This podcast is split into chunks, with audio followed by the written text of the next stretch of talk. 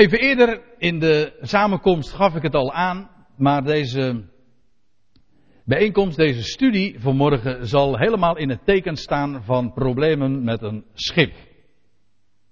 Daar hadden we het al eventjes eerder over, maar dit was nog wel even andere koek.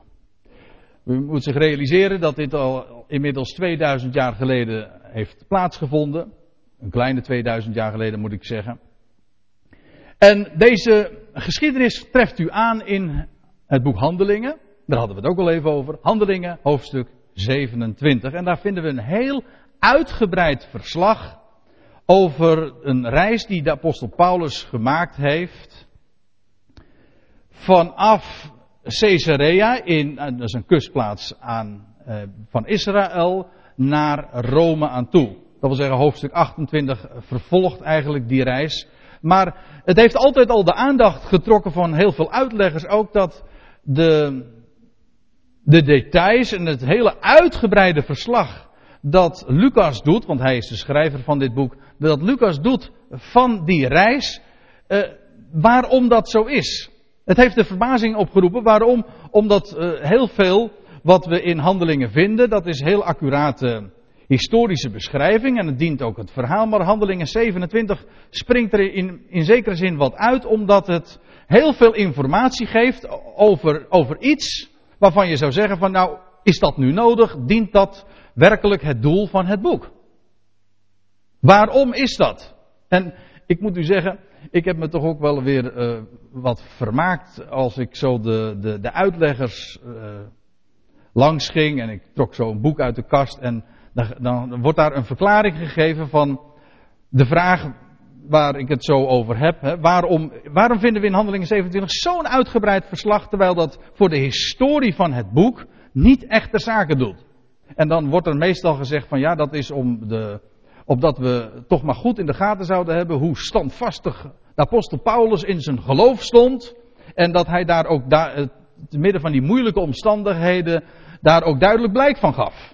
En dat terwijl het schip zo enorm heen en weer geslingerd werd, dat Paulus vaste koers hield, als ik het zo mag zeggen, en standvastig was.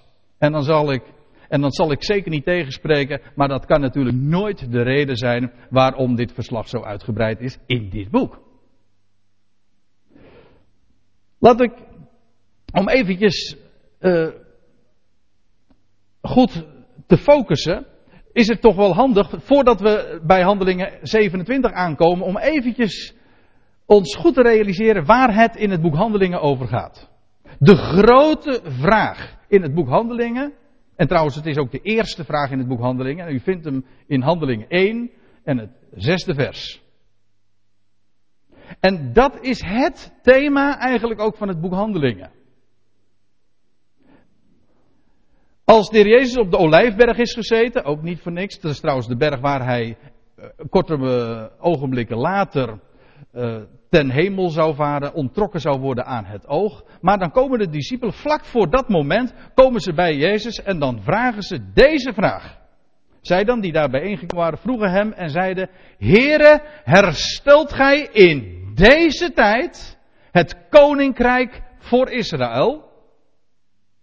De vraag is niet, herstelt gij het koninkrijk voor Israël? Want dat was voor die lui helemaal geen vraag. Want dat is waar de profeten allemaal zo duidelijk getuigenis van aflegden.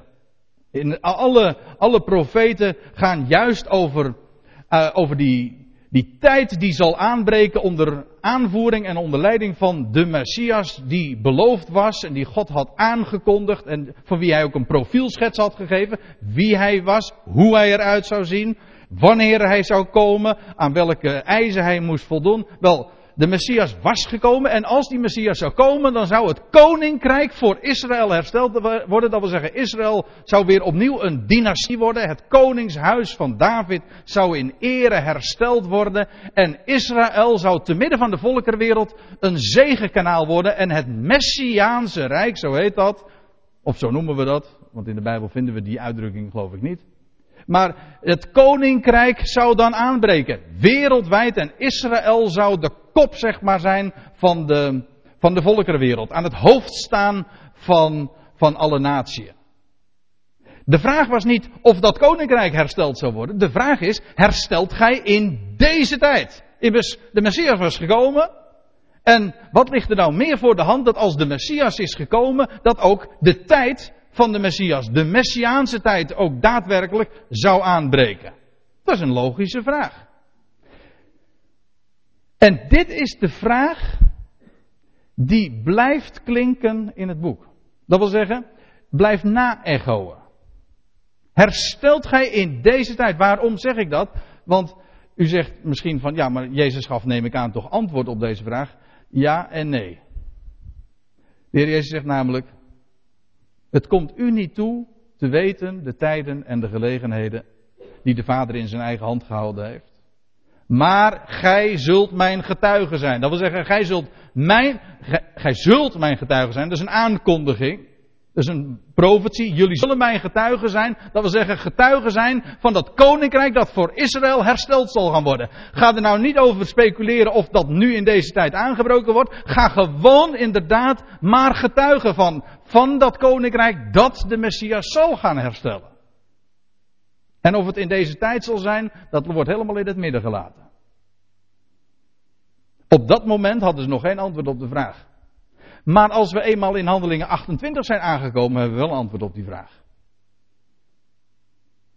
En dan is het antwoord nee. Het koninkrijk van Israël zal niet hersteld worden in deze tijd. Dat wil zeggen in hun dagen, in die generatie. Dus verwachting in die dagen dat het Messiaanse koninkrijk zou aanbreken was zo levendig, zo krachtig, zo, de, de verwachting was zo hoog gespannen. En dat is zo ongelooflijk belangrijk voor het verstaan van het boek Handelingen. Het staat helemaal in het teken van die vraag. Gaat het koninkrijk in deze tijd baanbreken? Er was één voorwaarde. En dat was dat Israël en haar leiders in het bijzonder, haar politieke, haar geestelijke leiders in het bijzonder, maar het volk als geheel, en met name dus de representanten van het volk, zouden geloven in hun Messias. En vandaar ook dat het ganse huis Israëls, en ik citeer zomaar wat hoor, het ganse huis Israëls uh, moet zeker weten dat Jezus is de Christus en de Heer. Staat er in Handelingen 2. Handelingen 3. Petrus staat daar op het tempelplein. En dan zegt hij tegen, de, tegen die, al die mannen die daar samen gestroomd zijn. Naar na aanleiding van die wonderlijke gebeurtenis. Die man die bij die schone poort zat. Dat is trouwens ook een hele illustratieve gebeurtenis. Maar goed. Uh, naar aanleiding van die, dat wonderteken dat verricht is, krijg je een enorme mensenmassa die op de been komt. En, en dan neemt Petrus het woord en dan zegt Petrus ook dan in Handelingen 3, vers 19 tot 21, kunt u nalezen. Kom dan tot geloof in hem. En dan staat erachter, ik citeer het nu eventjes vrij, en, opdat er tijden van verademing mogen komen. En Jezus terug zal keren naar deze wereld om alles in vervulling te doen laten gaan waarvan de profeten gesproken hebben. Dat wil zeggen, Israël wordt opgeroepen om te geloven. Als zij zouden geloven, dan zal de Messias daadwerkelijk ook terugkeren vanuit de hemel. Hij zou verschijnen, hij zou openbaar worden. En dat beloofde koninkrijk zou aanbreken. Wel, de geschiedenis van het boek Handelingen is eigenlijk dat die boodschap aan Israël primair gebracht wordt. In eerste instantie zelfs uitsluitend. Pas later uh, komt Paulus ten tonele, die dertiende apostel, hè, wiens jaar vandaag aanbreekt. Maar die dertiende apostel komt pas later op het toneel en dat is eigenlijk al een soort deadline. Het is een laatste kans voor Israël. Ook daar komen we nog over te spreken. En. Ogenblikje.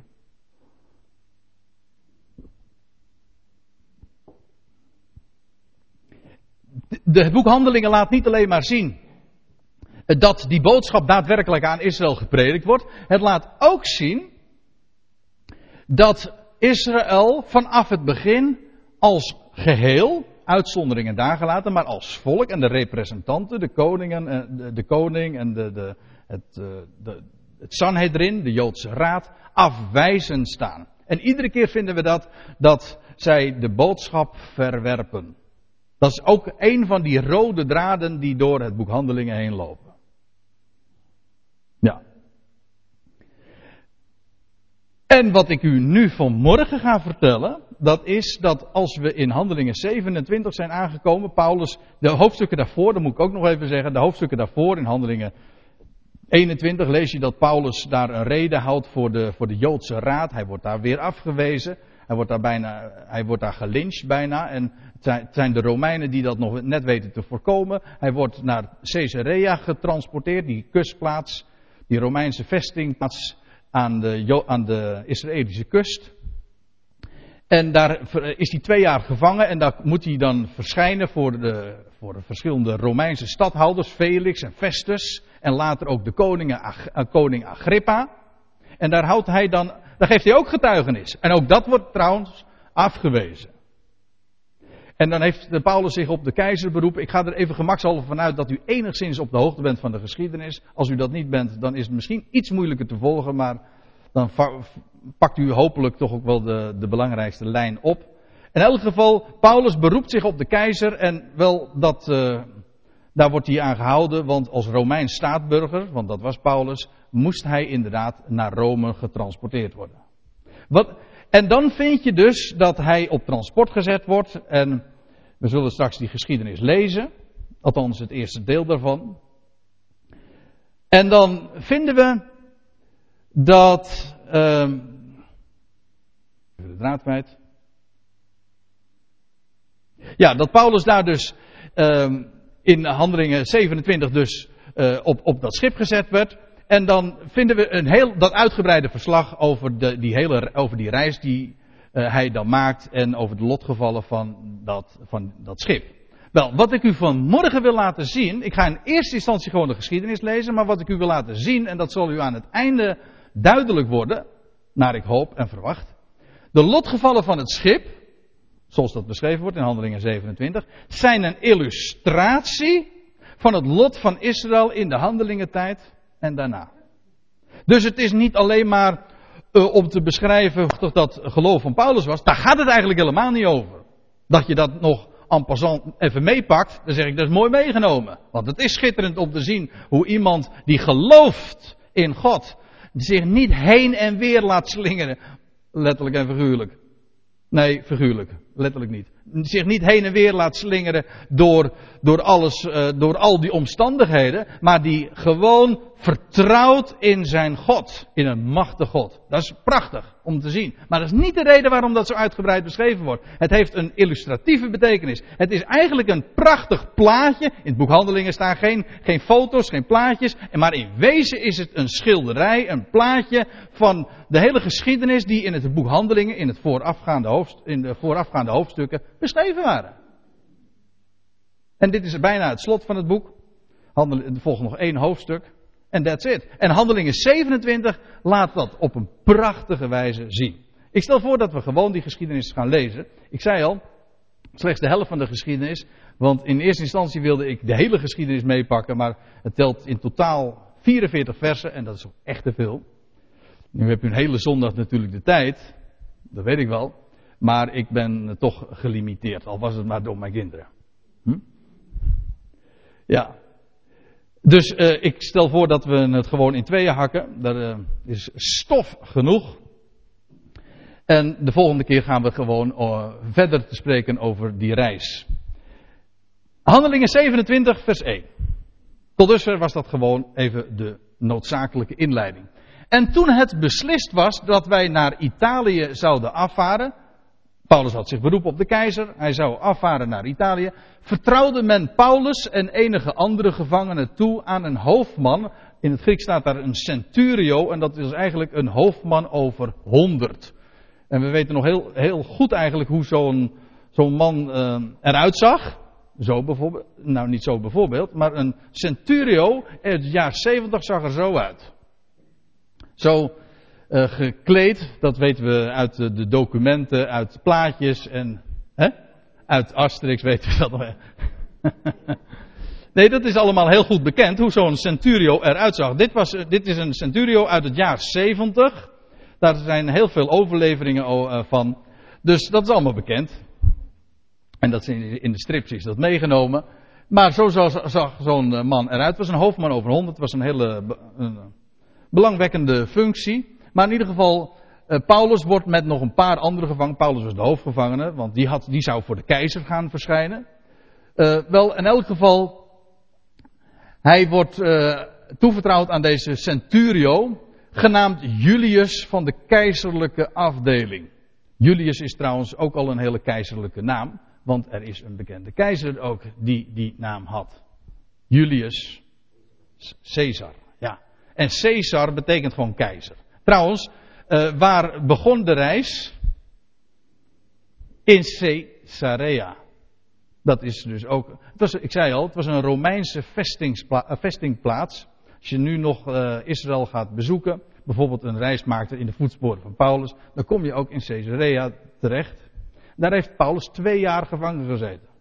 Paulus had wat met die twee jaar. Maar daar hebben we het bij een andere gelegenheid al eens een keer over gehad. Hè? Als Paulus gevangen zat, dan was het twee jaar. Ja, dat heeft verder geen betekenis hoor. Maar uh, dat is uh, heel toevallig dan. Goed. En op een schip uit Adramyticum, Adramitium, zo moet ik het zeggen. En ik had het al eventjes over Chios, dat lag hier, hè? daar hadden we het eerder deze morgen over. Maar Adramitium, dat ligt eigenlijk op nou een paar honderd. Hè? Ja, ook weer niet zo al te ver van Troas vandaan. Maar in ieder geval daar ligt de Adramitium. Ik had gedacht dat de plaatjes iets helderder uit de verf zouden komen. Maar u ziet het toch wel dat dit hopelijk Turkije is. En dit is Griekenland en dit is Kreta. U zult nog, zal nog heel wat plaatjes uh, gaan zien. Waar, uh, waar deze plaatsen worden afgebeeld. Goed. Uh, dat schip uit Adramitium dat naar de kustplaatsen van Azië, dat wil zeggen de, de kustplaatsen van Klein-Azië, of het beter gezegd, uh, of moderner gezegd, het huidige Turkije dus. Azië, dat is in de Bijbel gewoon Turkije. Het huidige Turkije. Niet een heel werelddeel. Maar goed, uh, dat schip dat zou naar de kustplaatsen van Azië gaan uh, zou varen. Uh, dus kozen wij zee met Aristarchus, een Macedoniër uit Thessalonica, bij ons. Wie zijn die ons? Wel, dat is Paulus en de schrijver van dit boek. Dus de verslaggever van, van, alle, van dit alles en wat, van ook het hoofdstuk wat we nog zullen lezen. Die was hier dus lijfelijk bij aanwezig, Lucas, de geliefde geneesheer. Maar u, hier heb je dus Caesarea. En ze gingen nu naar het noorden toe. Uh, naar het noorden toe varen. En bij dat schip, of op dat schip, daar zat trouwens 276 man. Maar dat lezen we later nog in het, uh, in het verslag. Dus het was een flink schip, toch wel? Een graanschip. Nee, hier nog niet trouwens. Maar dat zal ik ook nog even toelichten. In elk geval, Aristarchus was er ook bij. Aristarchus komen we trouwens een paar keer meer tegen in het boek Handelingen al. We weten dat hij uit Thessalonica kwam. Maar in Colossense 4 komen we hem ook tegen. Dan schrijft Paulus, Aristarchus, mijn medegevangene, laat u groeten en Marcus, de neef van Barnabas. En nog even later in Philemon, als Paulus dan ook nog trouwens in gevangenschap is, dan zegt hij Aristarchus, Demas en Lucas. Heb je hem weer, de geliefde geneesheer mijn medearbeiders. Aristarchus was dus ook een medegevangene. Hoe dat verder in elkaar zat, dat is uh, niet, uh, niet simpel om te achterhalen. Je kan er allerlei opties noemen, maar dat, dan kom je toch in de sfeer van de fantasie terecht. We weten in elk geval, hij was een medearbeider, hij was een medegevangene en hij zat ook in het schip. Ja. Eh, samen met Paulus en Lucas. Goed, en dan lees je in vers 3. En de volgende dag gingen wij te Sidon, en hier ligt de Caesarea en Sidon ligt in het huidige Libanon. Je, de naam komt nog wel eens een keer in het nieuws. De volgende dag gingen wij te Sidon aan land en Julius, die, die centurio dus, uh, die behandelde Paulus vriendelijk. Letterlijk staat er in het Grieks het woordje philanthropos of zoiets. Waar ons woordje filantroop vandaan komt. Dat betekent letterlijk menslievend. Hij behandelde ons, hij behandelde Paulus menslievend. En hij vergunde hem naar zijn vrienden te gaan, daar is in Sidon, om zich te laten verzorgen. En vandaar afgevaren voeren wij onder Cyprus langs. Dat is Cyprus. Omdat de winden tegen waren. Wij staken de volle zee bij Cilicië. Dat kende Paulus maar al te goed, want daar woonde ze. Daar was moeder thuis. Hè? Ja, want Paulus kwam, was afkomstig uit Tarsus, een stad, een kustplaats uit Cilicië. Niet Sicilië, want Sicilië dat ligt weer in Italië. Ja, maar dat is Cilicië. En dan staat er, eh, wij staken de volle zee bij Cilicië en Pamphylië, dat ligt daar, over en kwamen te Mira in Lycië aan. Dus zo ging de vaart. De bedoeling was dat ze eerst dat ze onderdoor zouden gaan, rechtstreeks, maar vanwege omdat de wind tegen was, en dat zul je iedere keer aantreffen, de wind was tegen. Het, de, de reis vanaf, vanaf het begin zat tegen. Het schip was voortdurend uit koers. Houd hem vast. En uiteindelijk komen ze dus daar bij Mira aan. Trouwens, die plaats die kent u ook wel. Ja, want wie is daar geboren een paar eeuwen later, nadat dit uh, plaatsvond? Een bekende bisschop, althans hij was daar bisschop, de bisschop van Mira, een Nicolaas, dat was een saint, een sint, Sint Nicolaas. En Sint Nicolaas was inderdaad die goede zint uit Mira. En dat is deze plaats dus. En Paulus uh, kreeg daar ook een geschenk, want, of nou ja, eigenlijk al, al die uh, lui die daar met die boot mee moesten varen. Want ze moesten hier trouwens overstappen. Die boot ging niet verder. Waarom niet, dat wordt niet beschreven, maar vermoedelijk omdat het een beetje gevaarlijk werd om, het was inmiddels najaar, daar komen we ook nog over te spreken, om dan nog vervolgens verder te gaan varen. In elk geval, ze staken hier, uh, ze kwamen bij uh, Mira aan en dan lees je in vers 6, en daar, dat is dus in Mira, vond de hoofdman, die centurio, een schip uit Alexandrië, dat is een belangrijke plaats, kustplaats in Egypte, dat naar Italië voer en hij liet ons daarop overgaan. Dus Paulus met die centurio en die medegevangenen stappen over op een andere schip, daar in Mira, eh, op een schip dat uit Alexandrië kwam en die naar Italië ging en die, zo weten we later uit het hoofdstuk, graan vervoerde. Ja. Ja, ik stop iedere keer bij, zulke, bij bepaalde mededelingen. En dat doe ik met opzet, omdat het u eventjes, dat, dat u even zich realiseert van, oh, dat zal wellicht een betekenis hebben. En dat is ook zo. Uh, dit is nog een ander plaatje van Mira, de baai van Mira. Maar goed, als u daar uh, meer daarover wil weten, dan moet u maar eens een boeken daar naartoe. Hm? Vers 7. En daar wij verscheidene dagen lang weinig vorderden, is de volgende keer dat er, dat er weer staat dat het allemaal erg tegen zat, en met moeite ter hoge, hoogte van Knidus konden komen. En Knidus ligt daar. U weet, die hele zee van die Egeïsche zee, daar bij Griekenland, tussen Griekenland en Turkije, is bezaaid van eilanden. Ideaal als je, als je het leuk vindt om van het ene eiland naar het andere te hoppen. Het is echt, ik kan het u aanbevelen, want het is prachtig om te doen. Ik heb het in het verleden, toen ik vrijgezel was, uh, vaak gedaan. Ja, dat was zo'n goede tijd. ik hoor één vrouw lachen.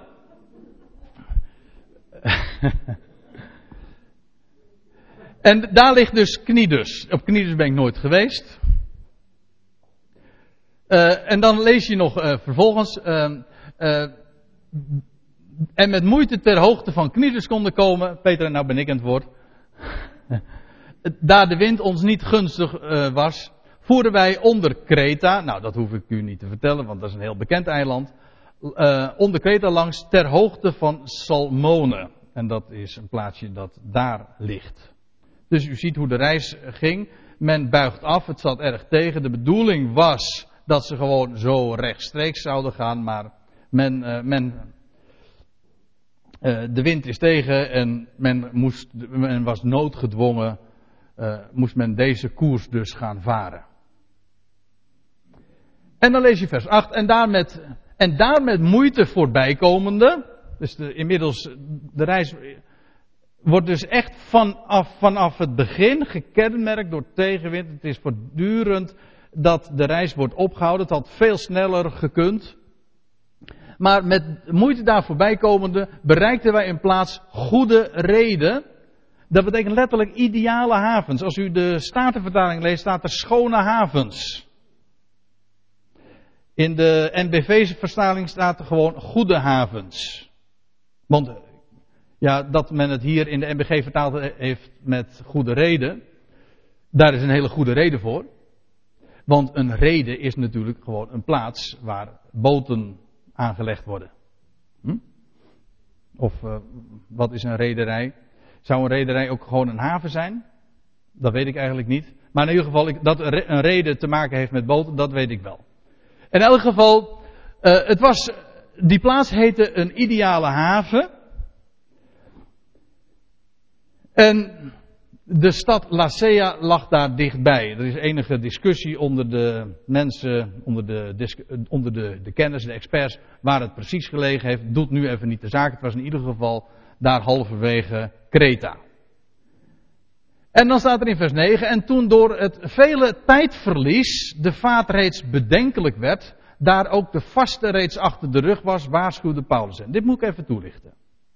Want ik zei al, het was najaar. En waaruit leid ik dat af? Wel, er staat hier, de vaart werd reeds bedenkelijk, daar ook de vasten reeds achter de rug was. De vasten.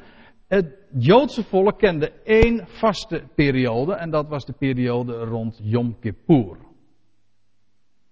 En dat valt zo, dat hangt er een beetje vanaf, maar in september en oktober, en we hebben reden om aan te nemen dat het inmiddels hier vrij laat uh, Yom Kippur was. Dus vermoedelijk moeten we dan denken aan de maand oktober was, dat het inmiddels was. En dat betekent dat de, de vaart echt bedenkelijk werd. Een groot risico werd, want vanaf november tot aan maart werd er niet meer gevaren op de Middellandse Zee vanwege de grote risico's in verband met stormen die zomaar konden, aanbreken, zomaar konden losbreken. En waardoor uh, waardoor uh, zomaar het schip kon vergaan. En hier is het nog uh, ja, een risico, maar het hele boek, of het, het hele hoofdstuk beschrijft dat het ook daadwerkelijk gebeurde. Maar zover zijn we natuurlijk nog niet. Het men was op de hoogte van het risico. Het was eigenlijk inmiddels al een, een dusdanige tijdstip dat het eigenlijk al niet meer kon.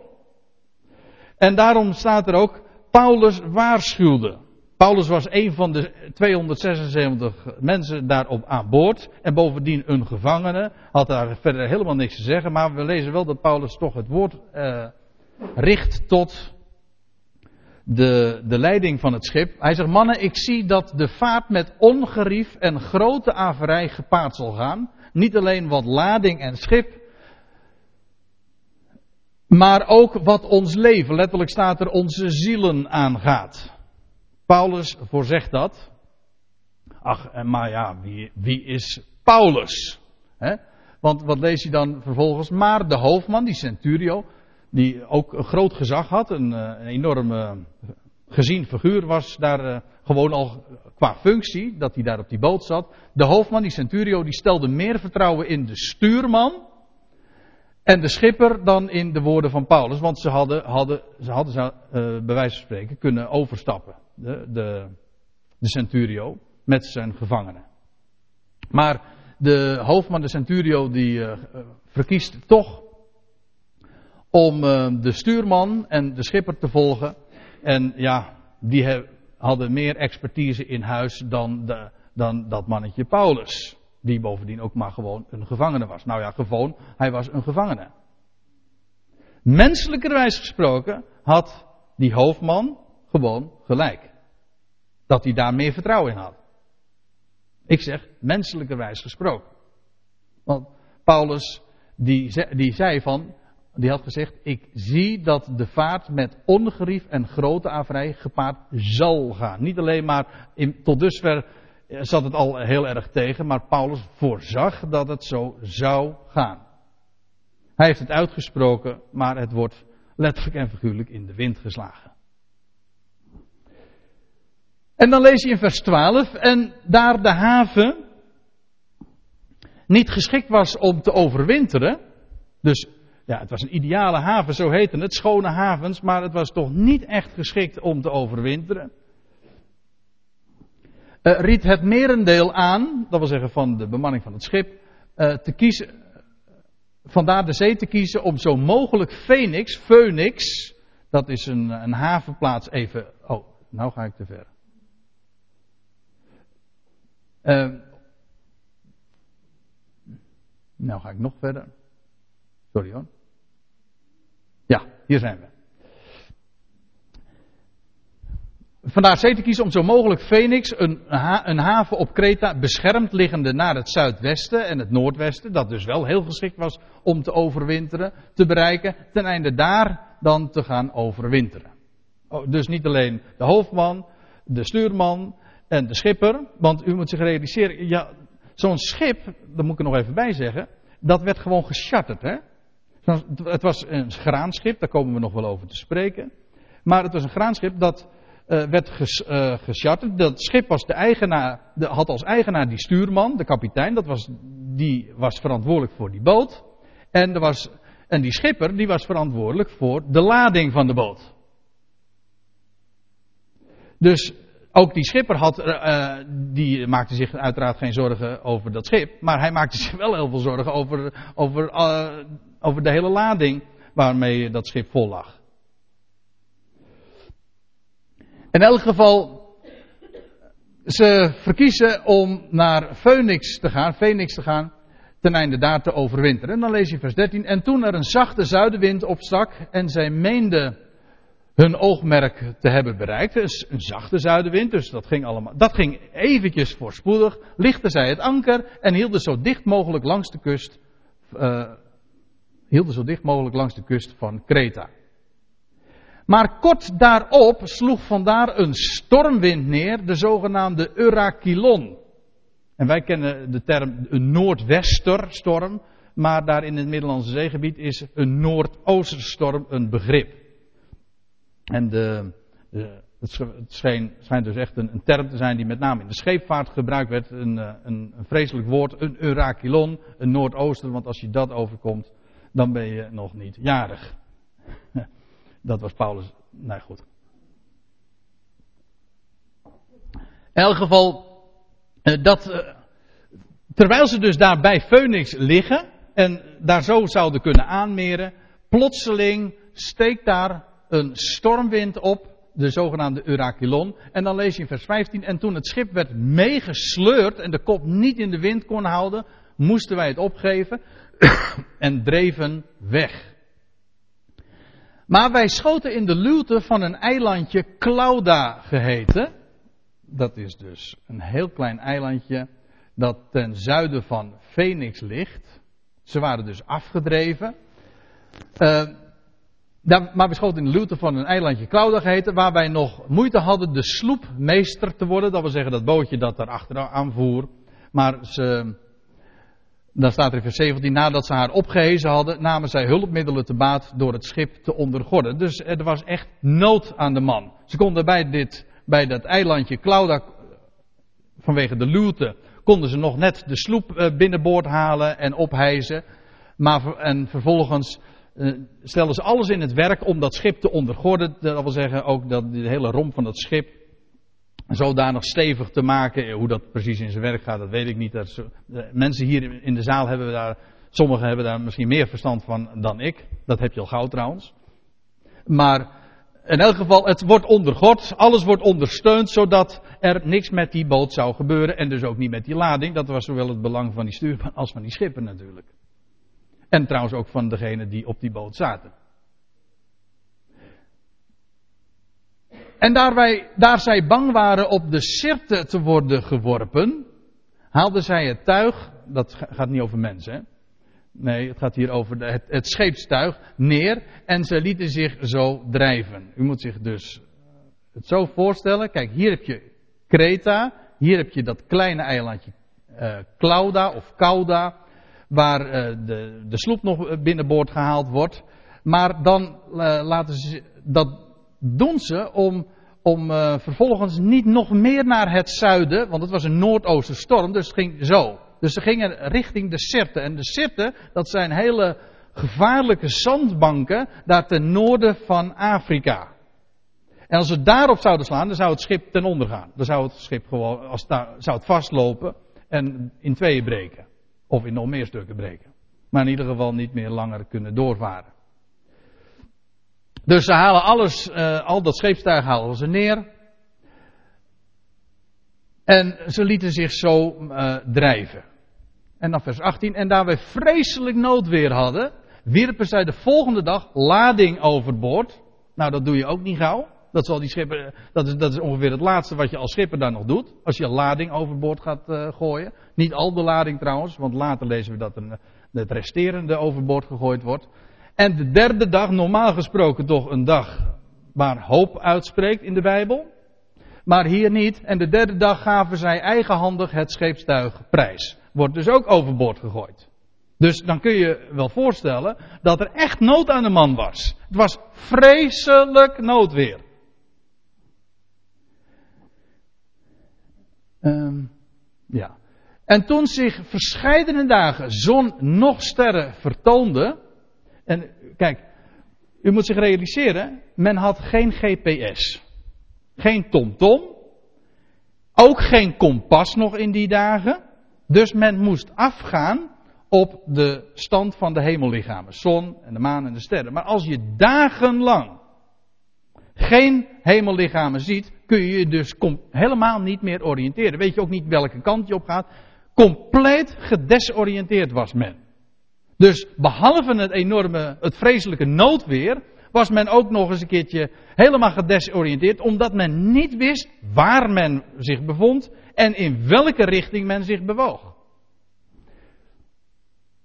Dus toen zich verschillende dagen zon nog sterren vertoonden en zwaar noodweer ons bedreigde, werd ons tenslotte alle hoop op redding benomen. En nadat zij lang, lang zonder eten waren gebleven, ik kan me voorstellen dat de eetlust je ook wel vergaat, hè, als dat schip dan zo gaat. Sommige mensen hebben dat al als het schip helemaal niet zo heen en weer gaat, maar als ze gewoon rustig varen, worden ze al kots en kots misselijk. Hier staat zo een man, die er al gauw last van heeft. Maar uh, nadat ze, zij lang zonder eten waren gebleven, ging Paulus in hun midden staan en hij zeide: Mannen, had men maar naar mij geluisterd. Om niet van Kreta weg te varen en zich dit ongerief en deze averij te besparen. Dus Paulus mocht dan weliswaar geen expert zijn, of heten, hoewel die inmiddels al heel wat keertjes trouwens uh, had gevaren. En we lezen trouwens in 2 Korinthe, dat zeg ik zo even tussendoor, dat hij drie keer schipbreuk heeft meegemaakt. In zijn leven. Ja, dus inmiddels was, uh, ik weet niet in welk stadium, of dat al voor deze handelingen 27 plaats had gevonden of nog ook uh, daarna, dat weet ik dan niet. Maar ja, ik weet het wel. Want terwijl ik sta te praten, realiseer ik me dat de Korinthebrief inmiddels, de tweede Korinthebrief al geschreven was. Dus Paulus uh, was dit inmiddels de vierde schipbreuk. Ja, dat betekent dus Paulus was wel een ervaringsdeskundige, maar, maar goed, men heeft niet naar hem geluisterd. En men had zich zo dit ongerief en deze averij, deze schade aan het schip kunnen besparen. Maar het zou nog erger worden. Trouwens, dat zegt Paulus ook. Want er staat er in vers 22. Maar ook nu wek ik u op moed te houden, want het leven van niemand uwer zal verloren gaan, alleen maar het schip. Dat zal die stuurman en die, die schipper ook niet, erg, uh, niet leuk gevonden hebben natuurlijk. Maar inmiddels was het dus zover. Dat schip zou ten onder gaan. Zou verloren gaan. Maar Paulus is een man van een goed bericht. Hij zegt, ik had jullie ooit gewezen op die schone haven, die je zou kunnen, zo zou kunnen ingaan, maar jullie eh, wilden dat niet doen en jullie zijn op eigen houtje gewoon verder gaan varen. En daardoor zijn jullie in deze averij terechtgekomen, heeft het schip averij ondergaan.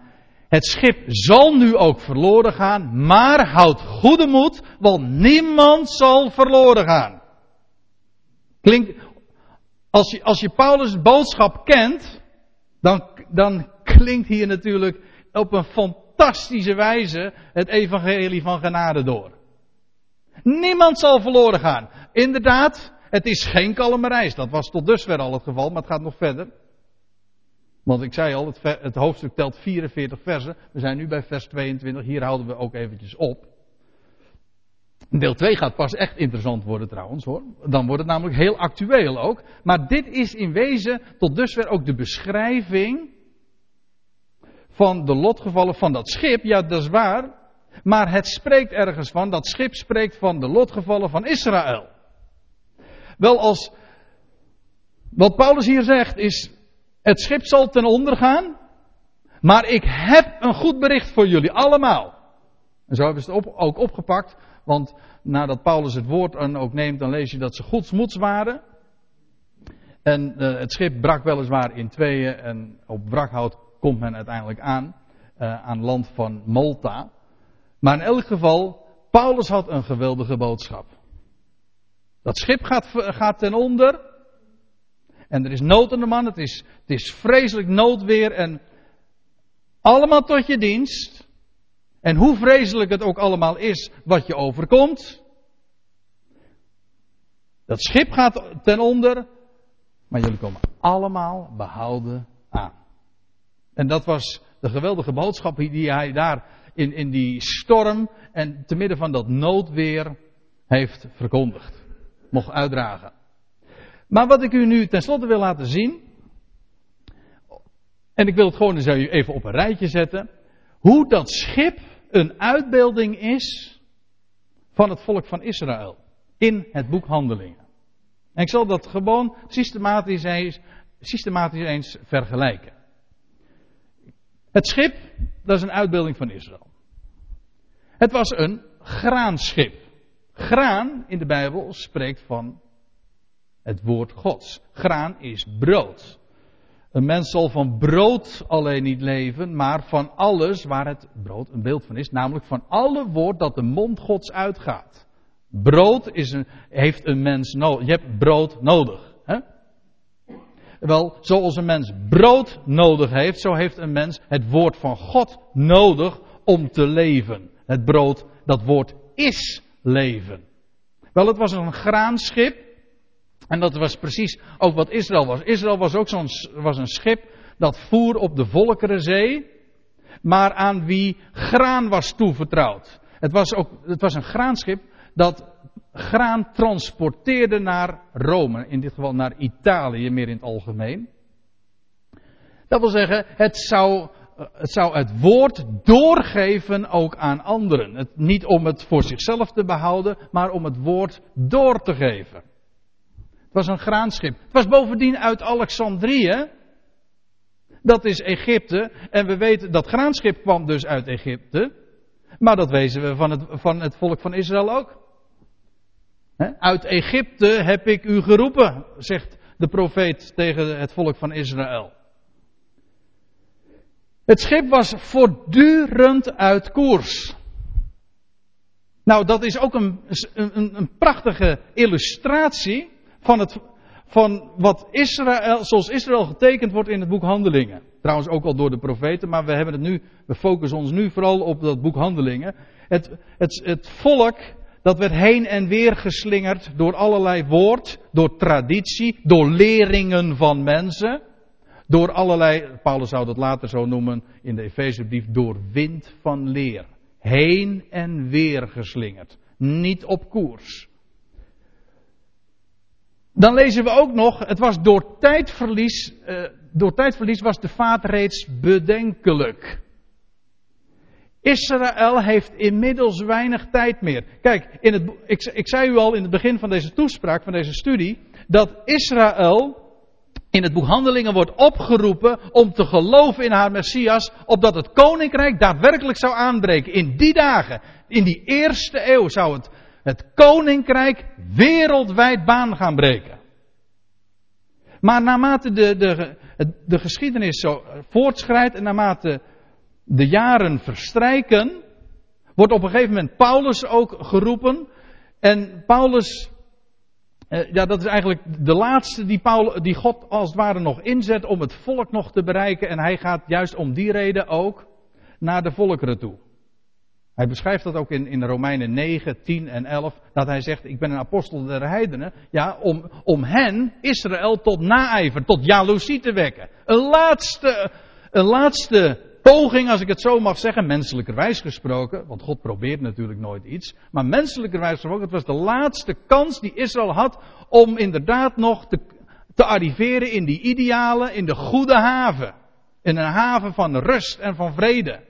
En Paulus heeft hen erop gewezen. Maar, ze, maar goed, wat lezen we? Ja, dat was eigenlijk de deadline. Want als ze niet naar Paulus zouden. Kijk, de twaalf hadden ze afgewezen. Dat is het begin van het boek Handeling. De eerste, zeg maar de eerste dertien hoofdstukken. Stefanus wordt gestenigd. De twaalf worden verworpen en het getuigenis. En dan zet God een andere apostel, een dertiende apostel in. Een apostel der heidenen om hen ook tot naijver te wekken. Maar ook hij wordt verworpen, maar dat was de, de deadline. En Paulus wijst hen tenslotte nog, want de tijd, er was heel veel tijd inmiddels verstreken. Dit was hun laatste kans nog. Zouden ze dit verwerpen, wel dan zou het schip inderdaad ten onder gaan. Paulus wijst hen nog op die goede haven. Een laatste oproep aan Israël om te komen tot geloof in hun Messias. De schipper en de stuurman die luisteren niet naar Paulus. Wel, en ik, en ik heb het in, aan de andere kant van het tabelletje heb gezegd, Israëls geestelijke en politieke leiding luisteren niet. Als u het mij vraagt, die schipper is een beeld van de geestelijke leiding en die stuurman een beeld van de politieke leiders. Dat is heel simpel. Kijk, die stuurman die bepaalt gewoon de koers van dat schip. Dat is de koning. Paulus had gestaan voor Agrippa, de koning. Juist in, in de hoofdstukken die hier aan vooraf gaan. Handelingen 4, 5, 26 wordt dat allemaal beschreven. Dat Paulus voor de koning staat, voor de stuurman. Hij had trouwens daarvoor al gestaan voor de schipper. Dat wil zeggen, degene die gingen over de lading. Dat wat aan het volk Israël was toevertrouwd. Het graan. Het woord. En, ook, en, en, en, die raad, die schipper, die had hem, had hem bijna gelyncht. Net als trouwens dat ze als ze dat al hadden gedaan met, daadwerkelijk gedaan hadden met Stefanus. Dus, en de stuurman, de koning, en de schipper, de geestelijke leiding, die verwerpen het woord. Die willen niet aanmeren daarin de goede havens. En het resultaat, wel dat hebben we zojuist gezien. Nou ja, dat gaan we eigenlijk de volgende keer zien. Hier, Paulus had het hier al aangekondigd. Het dreigde inderdaad. We zijn nu aangekomen halverwege de geschiedenis en dan zien we dat, ja, alle hoop op redding is verloren. Er is geen mogelijkheid meer dat, dat het goed komt met het schip. En Paulus erkent dat ook. Dat schip gaat ten onder. Dat schip gaat, dat schip Israël zal ten ondergaan in de Volkerenzee. En zo eindigt het boek Handelingen ook. Dat Handelingen 28 vanaf vers 25 leest u dat, dat Paulus dat ook zegt daar tegen de Joodse lieden daar in, in Rome, dat, dat, ze, dat Israël niet, nu niet meer zal kunnen zien, niet meer zal kunnen horen en dat ze zich niet meer zullen en kunnen bekeren als natie en dat ze niet hersteld zullen worden. De vraag was, zal dat in deze tijd plaatsvinden? Het antwoord aan het einde van het boek Handelingen is, nee, niet in deze tijd. Dan is het antwoord gegeven. Het schip Israël gaat onder in de Volkerenzee. Verdwijnt gewoon. En dat is, kijk, u moet zich realiseren, dit is zo aan aan het einde van de jaren 50, begin jaren 60, heeft dit zo plaatsgevonden van de eerste eeuw. In datzelfde decennium zou de Joodse opstand aanbreken, uh, uitbreken in, uh, in Jeruzalem. En tien jaar later, dat wil zeggen in het jaar 70, u weet wat er uh, gebeurd is. Toen is Jeruzalem helemaal in vlammen opgegaan. De hele stad is verwoest. De tempel, er is geen ene steen op de andere geleverd. De hele stad is verwoest. En de natie Israël is verloren gegaan. Een paar jaar na deze gebeurtenis is de natie letterlijk dus gewoon ten onder gegaan in de zee. Een beeld van de volkerenwereld. De volkerenzee spreken we dan over. En daarmee ook alles wat aan dat schip toebehoort. Het graan, de ankers. daar gaan we de volgende keer nog over hebben. Want er zit nog zoveel meer in. Maar ik hoop dat u ziet dat dit hoofdstuk niet zomaar een beschrijving is van een, een hele moeilijke reis. Ook niet de beschrijving is van het geloof van, van een man als Paulus. Nee, het, is, het dient het hele doel van het boek Handelingen. Namelijk om te laten zien hoe dat schip van Israël uiteindelijk verloren gaat. Maar, en daar, daar wil ik mee afsluiten. Maar, het goede bericht verandert daarmee van focus. Kijk, in die dagen was de focus, in, in onze tijd kan dat koninkrijk gaan baanbreken. Dat was de, de hoge verwachting van die dagen. Dat gebeurde niet. Dat was een enorme teleurstelling. En daar gaat een, een groot gedeelte van het Nieuwe Testament ook over. In onze dagen niet. En tegelijkertijd, één boodschap gaat dan klinken. En wordt dan actueel. Hoewel het koninkrijk niet baanbreekt. Hoewel die messiaanse tijd voorlopig zal uitblijven. Één boodschap is duidelijk. En dat is dat er gewezen wordt op die ene God. Die ervoor zorg draagt dat allen behouden zullen aankomen. God belooft inderdaad geen kalme maar wel een behouden aankomst. Voor elk mens. Niet alleen maar voor die gelovige vrienden van Paulus hoor. Voor Aristarchus en Lucas. Nee, al die 276 man. Die sturen me allemaal. Uiteindelijk zullen ze behouden aankomen. En dat is dat goede bericht wat Paulus daar op die woelige zee vertelt. Dus ondanks de enorme frustratie en de ellende die ze meemaken en de, ja, de grote teleurstelling dat dat schip ten onder gaat, daar gaat het boek Handelingen over. Eén boodschap gaat juist dan klinken en oplichten. Namelijk, allen zullen behouden aankomen aan land. En daar wil ik de volgende keer graag wat meer over vertellen. Ik stel voor dat we een lied gaan zingen.